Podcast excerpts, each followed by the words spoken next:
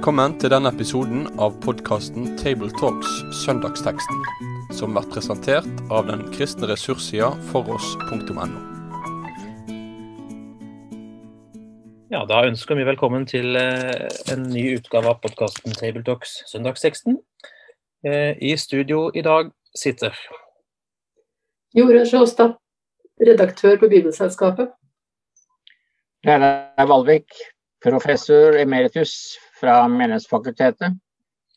Og jeg heter Kristoffer Hansen Ekenes og er prest i Delks menighet i Oslo, det er Rynberget.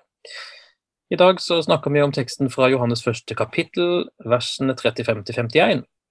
Det er en forholdsvis lang tekst, men vi skal selvfølgelig lese den hele nå. Og vi leser sammen i Jesu navn. Dagen etter sto Johannes der igjen sammen med to av disiplene sine. Da Jesus kom gående, så Johannes på ham og sa, Se, Guds lam. De to disiplene hørte hva han sa, og fulgte etter Jesus. Jesus snudde seg og så at de fulgte ham, og han sa, Hva leter dere etter? De svarte, Rabbi, hvor bor du? Rabbi betyr lærer. Kom og se, sa Jesus. De gikk da med ham og så hvor han bodde, og de ble hos ham den dagen.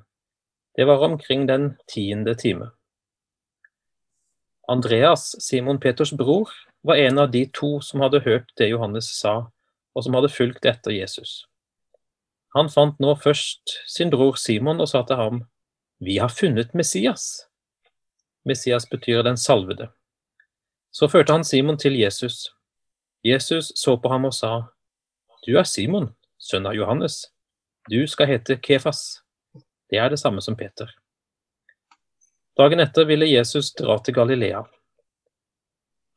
Da fant han Philip og sa til ham, Følg meg. Philip var fra Betzaida, den byen Peter og Andreas var fra. Philip traff Nathanael og sa til ham, Vi har funnet ham som Moses har skrevet om i loven, og som også profetene har skrevet om. Det er Jesus fra Nasaret, Josefs sønn. Kan det komme noe godt fra Nasaret? sa Nathanael. Philip svarte, Kom og se. Jesus så Nathanael komme gående og sa, Se, der er en sann israelitt, en som er uten svik. Hvor kjenner du meg fra? spurte Nathanael. Jesus svarte, Jeg så deg før Philip ropte på deg, da du satt under fikentreet. Da sa Nathanael, Rabbi, du er Guds sønn, du er Israels konge. Tror du fordi jeg sa at jeg så deg under fikentreet, sa Jesus, du skal få se større ting enn dette? Så sa han, sannelig, sannelig, jeg sier dere, dere skal se himmelen åpnet og Guds engler gå opp og ned over menneskesønnen. Ja, en uh, lang og innholdsmetta uh, tekst. Vet ikke hvem som vil få lov til å starte, starte runden. Altså det første jeg tenker på når jeg ser denne teksten, her, det er jo det som Johannes sier. Se Guds lam. Og så er hele resten av det vi har lest, altså en følge av det. Eh, så det, det enkle vitnesbyrdet som der Johannes kom med, fikk veldig store følger for veldig mange. Og det tror jeg denne teksten er et godt eksempel på. Enkle vitnesbyrdet. Det er enkelt, men det er jo ganske innholdstungt likevel, da. Og han har sagt det før, faktisk. Han har brukt samme vitnesbyrde på et møte tidligere. hadde han sagt. Han sier jo det samme i vers 29 òg. Um, skulle vi kanskje stoppa litt ved det uttrykket. Hva er det for et uttrykk? Guds lam? Eh, jeg tenker jo i hvert fall på én ting sånn helt umiddelbart. Jeg tenker på um, ikke et lam, faktisk, men en bok. Den boken som israelsfolket skulle sende ut i ørkenen utenfor leiren, og presten skulle bekjenne folkets synder på den. Og så skulle den fare ut i, i ørkenen med syndene på seg. På den måten få det bort. Um, dette har vi snakka om i en gjennomgang tidligere, husker jeg, i en annen tekst. Men um, det er jo en side ved det. Og så er det vel gjerne dette med påskelammet som vi tenker på. Da Israel var i Egypt og fikk beskjed om å stryke, stryke blodet fra et lam på dørene for å beskytte seg mot mot dødsengelen som skulle gå gjennom Egypt og ta livet av alt førstefødt osv. Eh, det er mye andre Mosebok. Så det er ganske sånn Ja, det jo et innhold som heter uttrykk.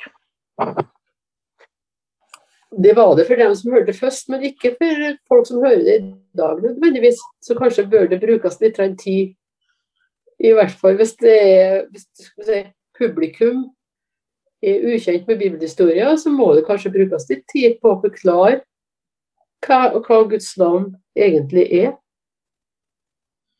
Ja, det er et poeng, selv om liksom, det ikke primært er i vår tekst nå, men er i den foregående tekstavsnittet, så er det nok riktig at uh, man bør tenke på sitt publikum, om det er noen som trenger å få vite den bakgrunnen som Kristoffer nå kort skisserte. Tror det er et godt poeng. Ellers er det interessant å se hva slags konsekvenser dette får. da.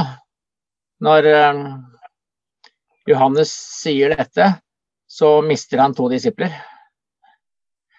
Det er jo to av døperen Johannes sine disipler som nå forlater døperen og følger Jesus i stedet. Det er jo vet ikke om det var intendert fra Johannes sin side, men det er i tilfelle i tråd med det han sier eh, litt seinere i Johannes evangeliet, om at han, altså Jesus, han skal vokse, og jeg skal avta. Så det går inn i et mønster at hans rolle er bare begrensa. Jeg har tenkt at, uh, apropos det vi snakker om nå, dette med Johannes og Jesus det er jo for så vidt tema for en hel egen episode, nesten. Uh, men her er vi jo på en måte på en terskel mellom eh, to ja, tidsaldre, eller rett og slett pakter, da. Eh, hvor Johannes er representanten for den gamle pakt, den siste av profetene, eh, som peker på Jesus eh, og sier 'han er det'. det. Om du skal kalle det en stafettveksling eller et eller annet sånt, men det skjer noe her eh, mellom Johannes og Jesus. Eh, jeg tenker, lurer på om kanskje den Nå hopper jeg litt da, til vers 39. Der står det jo at dette skjedde ved den tiende time. Jeg bare fundert på om kanskje den tidsangivelsen kunne peke litt på, på, det forholdet her nå. Ehm, den tiende time det er jo rett før arbeidsdagens slutt. Ehm, det er klokka fire om ettermiddagen, og klokka seks er det stengt. Så at Johannes på en måte med den gamle pakt har stått helt frem til nå, og nå er det en ny mann, så å si, på vakt, da, og det er Jesus. Det er ikke sikkert vi skal legge mye vekt på det, men det er i alle fall i, i, tråd med det du sier, Reidar, og som uh, en helt opplagt ting. Er, de, de, faller fra hadde jeg sagt, disiplene til Johannes for å følge Jesus isteden. Og det er faktisk poenget. ja. Mm. Jeg tenker at På en måte er det veirydderen som nå har kommet til veis ende. For nå er veien kommet. For å være litt sånn poetisk. For det er jo det han peker på. Er, nå er veien kommet. Se der. Følg han Ja. her er det jo sånn sett en sammenheng til det aller siste verset i vår tekst, og det må vi se om vi kan få kommentert eh, til slutt. Men eh, da har vi sagt litt om Guds lam, vi har sagt litt om Jesus og Johannes. Eh, og så um, Ja, det er flere ting vi kunne stoppe på her. De, det er interessant å se disiplenes reaksjon da, de, når de får se Guds lam og begynner å følge han, så, så sier de likevel rabbi, kaller han en lærer. Ehm, så jeg vet ikke om liksom helt eh, den tiltalen står i stil med, med det at Jesus er Guds lam. Det virker kanskje litt, litt for forsiktig sånn i første omgang, men ehm, de trenger vel litt tid på å liksom få helt grep om Det er jo første gang de møter han omtrent, så de trenger litt tid for å få grep om alt hva det er dette med Jesus og hvem han er. Ja, det, er jo et spesielt trekk i denne teksten. Det, det begynner jo veldig forsiktig med henvendelse til Jesus som lærer. Og så etter hvert kommer det jo en masse utsagn om hvem Jesus er. Og man kan jo spørre om, om de faktisk forsto alt dette her i løpet av den første dagen de møtte han, eh, det er vel kanskje tvilsomt. fordi når man leser de synoptiske evangeliene, så ser man jo at det tok ganske lang tid før disiplene innså at Jesus var Guds sønn og de kunne kalle ham Messias. Så det virker som denne teksten her er i sånn eh, forkorta utgave eh, av en, en, voksende innsikt i hvem Jesus var. Eh, så her er det samlet allerede fra starten av eh, viktige utsagn om hvem Jesus er. Men eh, historisk sett så kan hende det tok litt lengre tid enn det denne teksten gir eh, inntrykk av. Og Derfor begynner den altså ganske forsiktig da, før før tingene utvikler seg mer. Si... Er det et memento til oss? Kan det være et memento til oss som tenker at når folk blir kristne, så skal de skjønne alt med en gang? Ja, det, det tror jeg er god, et godt memento. Enten det dreier seg om barn eller voksne som eh, skal inn i troa, så er det noe vi vokser inn i, og vi tilegner oss en del gradvis her. Men vi må si noe om antallet disipler her. Det starter med to eh, avgåtte Johannes-disipler som slutter seg til Jesus. Og så vokser jo flokken. Eh, og det ser jo ut som det er en slags sånn familieaffære i starten her. Det er Andreas som eh, går og finner sin bror Simon eh, og forteller hva som har skjedd. Og da har jo innsikten steget et hakk. Eh, da går vi fra rabbi og så er vi oppe på Messias. Men Kristoffer, før vi kommer så langt, kunne jeg bare lyst til å kommentere eh, vers 39. Ja, gjør det. Når altså Jesus eh, De følger etter ham, og så er det Jesus som henvender seg til dem. Og så inviterer han dem inn. Jeg syns det er et viktig poeng. Kom og se. Eh, da gikk de med ham og så hvor han bodde. Men det er klart at det her er jo ikke poenget at de skal se på leiligheten hans eller huset hans. Eh, det er jo ikke det de skal, men de skal få lov til å være sammen med Jesus. For i Johannes evangeliet er jo disse to uttrykkene 'komme' og 'se'. De har en dypere mening. Altså det å komme til Jesus, det er jo et annet uttrykk i Johannes evangeliet for å tro på Jesus.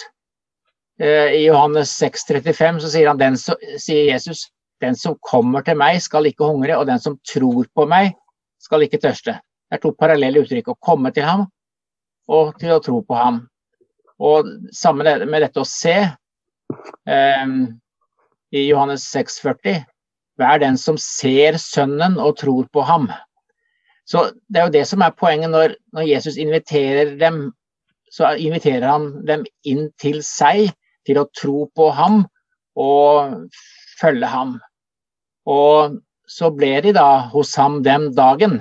Og dermed fikk de et møte med Jesus som eh, gir mulighet for å få en større innsikt. Ja, ja jeg hadde notert meg 'kom og se' sjøl faktisk. Eh, fordi det gjentar jo disse nyvunne disiplene litt seinere. Um, I vers 46 eh, er det vel, så det er litt lenger ute.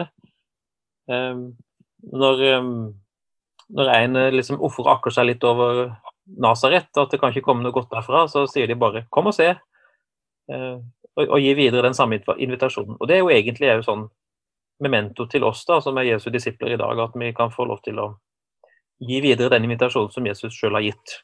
Eh, at den har både kraft nok og dybde nok til å invitere folk med. Eller så Det virker jo som altså, Jesus sier 'kom og se'. Um, og så sier de jo da faktisk, eh, det er mye over i vers 40-41, at de har funnet eh, Messias. Eh, jeg leste en som kommenterte at det er jo egentlig en løgn. De nyvunne mm. disiplene de tar munnen litt for full. De har ikke funnet noen som helst, men de har blitt funnet.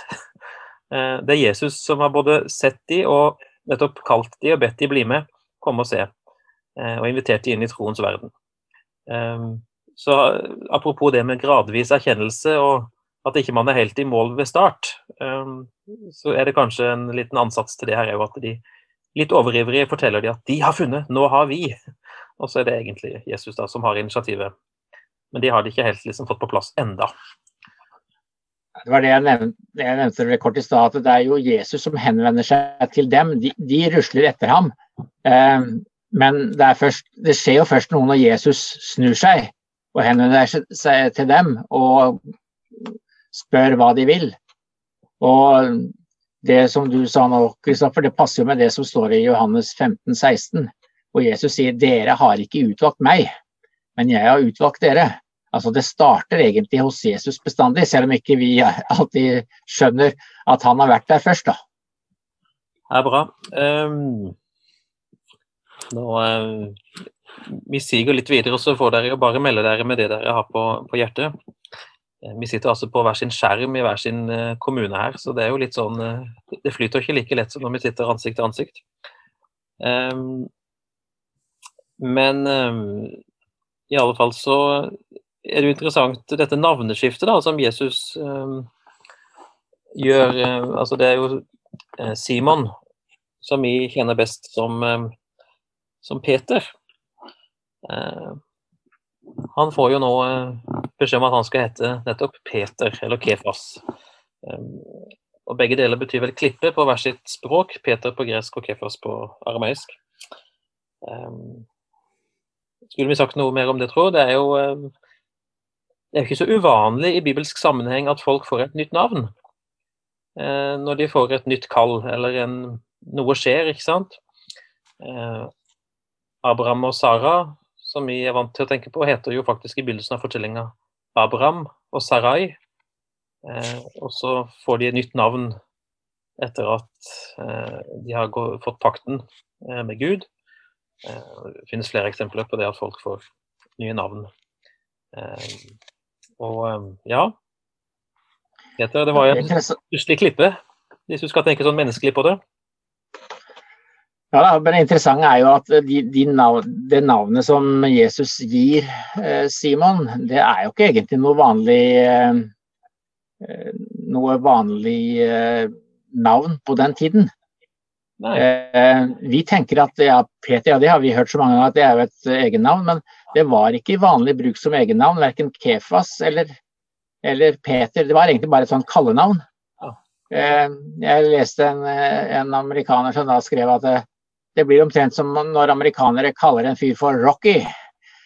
Eh, eh, så det har altså helt tydelig vært et, et navn som da har skilt seg ut fra vanlig navngivning. Så det, da har du fått en spesiell oppmerksomhet. Så Her signaliserer jo eh, Jesus at Peter skal ha en spesiell rolle i disippelflokken, i og med at han er den som får det, det spesielle navnet. Eh, så kjenner vi jo igjen ja, og... Peter som, som, person var jo ikke veldig mye til en klippe sånn Han var ikke klippefast, for å si det på den måten. Det er nesten ironisk at han får det navnet, men eh, han får jo privilegiet å avlegge en veldig sterk bekjennelse, ifølge i hvert fall de synoptiske evangeliene, da, om hvem Jesus virkelig er. Ehm, så det er vel gjerne det Jesus sikter til når han her kaller Peter for klippen. Ja, da, han, han, vidt, han avlegger jo en bekjennelse i, også i Johannes 6 eh, om hvem Jesus er, men det er jo særlig da i Matteus ja, i Matteus 16 hvor, eh, hvor eh, Peter da for første gang kommer med bekjennelsen. Du er Messias, den levende Guds sønn. Og etter det så sier jo Jesus at han skal ha dette navnet. Så det er som jeg sa i stad, liksom litt sammentrengt i, i, Johannes her. Det som skjer over lang tid i de andre evangeliene, det skjer på en dag i, i Johannes evangeliet her. Jeg har bare lyst til å kommentere det med dager. fordi at um, Johannes her i begynnelsen av sitt evangelium så, så teller han jo dager. Eh, eller han teller det ikke, men han sier den eh, dagen etter og dagen etter. Så, så det, hele fortellinga drives frem av noen av disse her dagsangivelsene.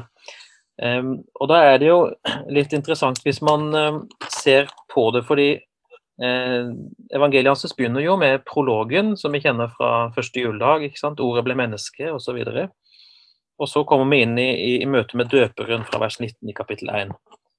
Uh, og så i uh, vers 29 så sier han dagen etter. Eh, og i vers 35 så er det dagen etter. Og i vers 43 er det dagen etter. Og da er vi allerede kommet til den fjerde dagen. Men så, I begynnelsen av kapittel to så snakker vi om den tredje dagen.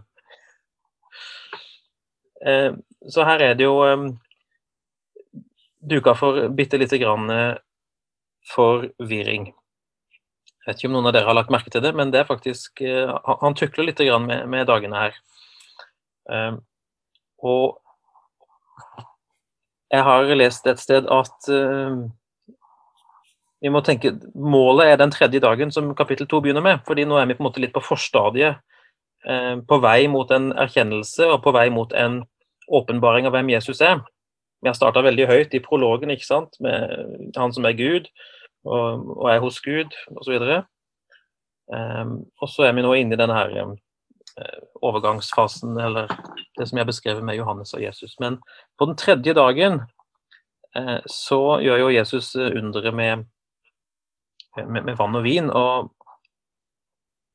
det var i um, andre Mosebok kapittel 19, lurer jeg på om det var, i forbindelse med loven på Sinai, eh, så sier Gud til Moses at det skal være to forberedelsesdager før Herren sjøl skal stige ned og åpenbare sin herlighet. Um, og Da skjønner vi på en måte tellinga her hos Johannes. For den tredje dagen er jo den dagen hvor Jesus virkelig liksom trer inn i sitt offentlige virke i Johannes evangeliet, med et mektig tegn som han gjør vant til vin, som på en måte svarer da til at Gud stiger ned eh, og åpenbarer sin herlighet i ørkenen i eh, andre Mosebok 19. Eh, så kommer vi ikke helt i mål med dagen etter og dagen etter, eh, hvis vi teller sånn fra starten av Johannes evangeliet. Eh, men i alle fall så ender det på den tredje dagen eh, i, i, begynnelsen av kapittel to der, som på en måte er den, den store dagen hvor åpenbaringa så å si skjer. Så nå er vi bare i forberedelsesmodus. Ja, det er jo litt sånn teknisk, men eh, jeg synes hvis noen bevisste og oppegående bibellesere begynner å telle her, så stemmer det ikke. og Da er det greit å ha sagt litt om det òg. Uh, ja, og Det har skapt forvirring for mange bibeltolkere gjennom århundrer, det der med den tellinga der, så man har lurt på hva som ligger bak. Men jeg, jeg tror du har et viktig poeng eh, med den tredje dagen, ja. ja. Nei, men vi, vi har kommet ca. halvveis i teksten, og vi får kanskje tenke at vi skal få med oss litt videre. Ehm, nå er det jo Jesus som tar initiativet veldig tydelig i vers 43, da. Ehm, Jesus ville dra til Galilea, står det. Så gjør han det. Ehm, Da blir det gjort helt tydelig det som vi kommenterte i stad, at det er Jesus Da fant han Philip. Det er Jesus som finner den neste disippelen. Og så gjentar han jo der den Eh, ja, disippelkallelsen som jeg kjenner fra synoptikerne. Følg meg. Eh, ikke kom og se her, men her er det følg meg, da. Det er jo interessant med Philip, fordi han, han eh, er jo en person som vi ikke hører veldig mye om i evangeliene. De tre andre evangelistene lister han bare opp i forbindelse med oversikten over alle apostlene. Det er bare i Johannes-evangeliet Philip faktisk er en del av fortellingen. Eh, han er en som stiller spørsmål og gjør en del ting både i kapittel 6 og i kapittel 12 og kapittel 14 i Johannes. Eh, men det er altså det er i Johannes-evangeliet Philip får lov til å være med og opptre på, på scenen, så å si. Ja. Eh, men disippelflokken vokser jo. Eh, Philip kommer til. Eh, Nathanael kommer til. Og da er jo Da stiger vi litt i, graden, altså i eh, bevissthetsnivå og forståelse for hvem Jesus er. Philip sier vi har funnet ham som Moses har skrevet om i loven, og som også profeten har skrevet om. Det er Jesus fra Nasaret, Josefs sønn. Og da er det akkurat som at Nathaniel han er, ikke, han er ikke veldig imponert over det. Eh, det er jo et sånn eh, snodig utsagn. Har, har dere registrert noe eller tenkt noe mer over det? Eh, vers 46. Kan det komme noe godt fra Nasaret? Hva ligger det i det? Jeg har, ikke, jeg har ikke tenkt noe mer på det, men vi har kanskje redegjort det som jeg har tenkt på, er når du sier det at eh, de sier det er Jesus fra Nasaret. Eh, hvis du leser gjennom hele det avsnittet som er teksten, så kan du ta og begynne å telle opp hvor mange forskjellige navn som er brukt om Jesus der. Det er minst sju forskjellige navn. Ja. Og, og da er da, så sier Jesus fra Nasaret, Josefs sønn, den står i midten. Mens Guds lam, rabbi og Messias er brukt først, før der, og så kommer Guds sønn, Israels konge og menneskesønnen etter det der eh, punktet. Eh, så om eh, hvor bevisst, det sånn, sånne ting er lagt inn i en sånn tekst, det kan ikke jeg svare på. Det kan sikkert andre ha noen formeninger om. Men det at de nå har kommet dit at de vet at det er Jesus fra Nasaret, det, det, er samlingspunktet her først. Ganske... Ja, og Her har vel det primært en funksjon å skulle identifisere hvem han er. Ikke sant? Er, Jesus var et vanlig navn på nytestamentlig tid. Og når det da står eh, Jesus fra Nasaret, Josefs sønn, så tenker vi kanskje at det var vel eh, er vel ikke helt teologisk korrekt, men altså, det er jo bare det han ble kalt. Og Josefs sønn det er det samme som Josefsen, altså Jesus Josefsen eh, fra Nasaret, for å identifisere han som, som menneske. Og så kommer alle de andre teologiske betegnelsene og forteller hvem han egentlig er i et større perspektiv. da. Det er jo interessant, fordi det er jo en, ganske, det er jo en liten spenning mellom Jesus fra Nasaret, Josefs sønn, og alt det andre som blir sagt om Jesus. Um, det blir sagt at han er Messias, eh, men alle vet at Messias ikke skulle komme fra Nasaret. Han skulle komme fra Betlehem. Uh, nå gjør jo Jesus det, han er født i Betlehem. og Josef hadde familien sin i Betlehem, det lærer vi jo i, i juleevangeliet. Um, men um, i alle fall så er det en viss spenning her og en, en, si, en viss bredde òg i hvordan man presenterer Jesus. På den ene side er det han som vokste opp i nabobyen, uh, men på den andre side er han Guds sønn uh, og Israels konge og Messias. Så det er ja, en ganske brei presentasjon. Det var egentlig bare det jeg ville ha fram. Ja, og når man leser hele Johannes 1, så er det jo store spredninger her, da, fordi det begynner jo med, med altså Her er det bare denne han er fra Nasaret, men i starten av evangeliet så er det jo han som er fra Gud. Ja, at han selv er Gud. Så det er veldig spennvidde i, i kapittel 1 her om å si hvem Jesus er, altså. Jeg ser at tida flyr for oss. Vi skal komme litt videre eh, og snart få runde av. Men eh, jeg, har lyst til å zoome ut litt og spørre liksom, hva, er det med, hva er hovedpoenget i denne teksten? Um, sånn som dere ser det. Nå har vi snakka om en del detaljer. Hva vil dere si var hovedpoenget?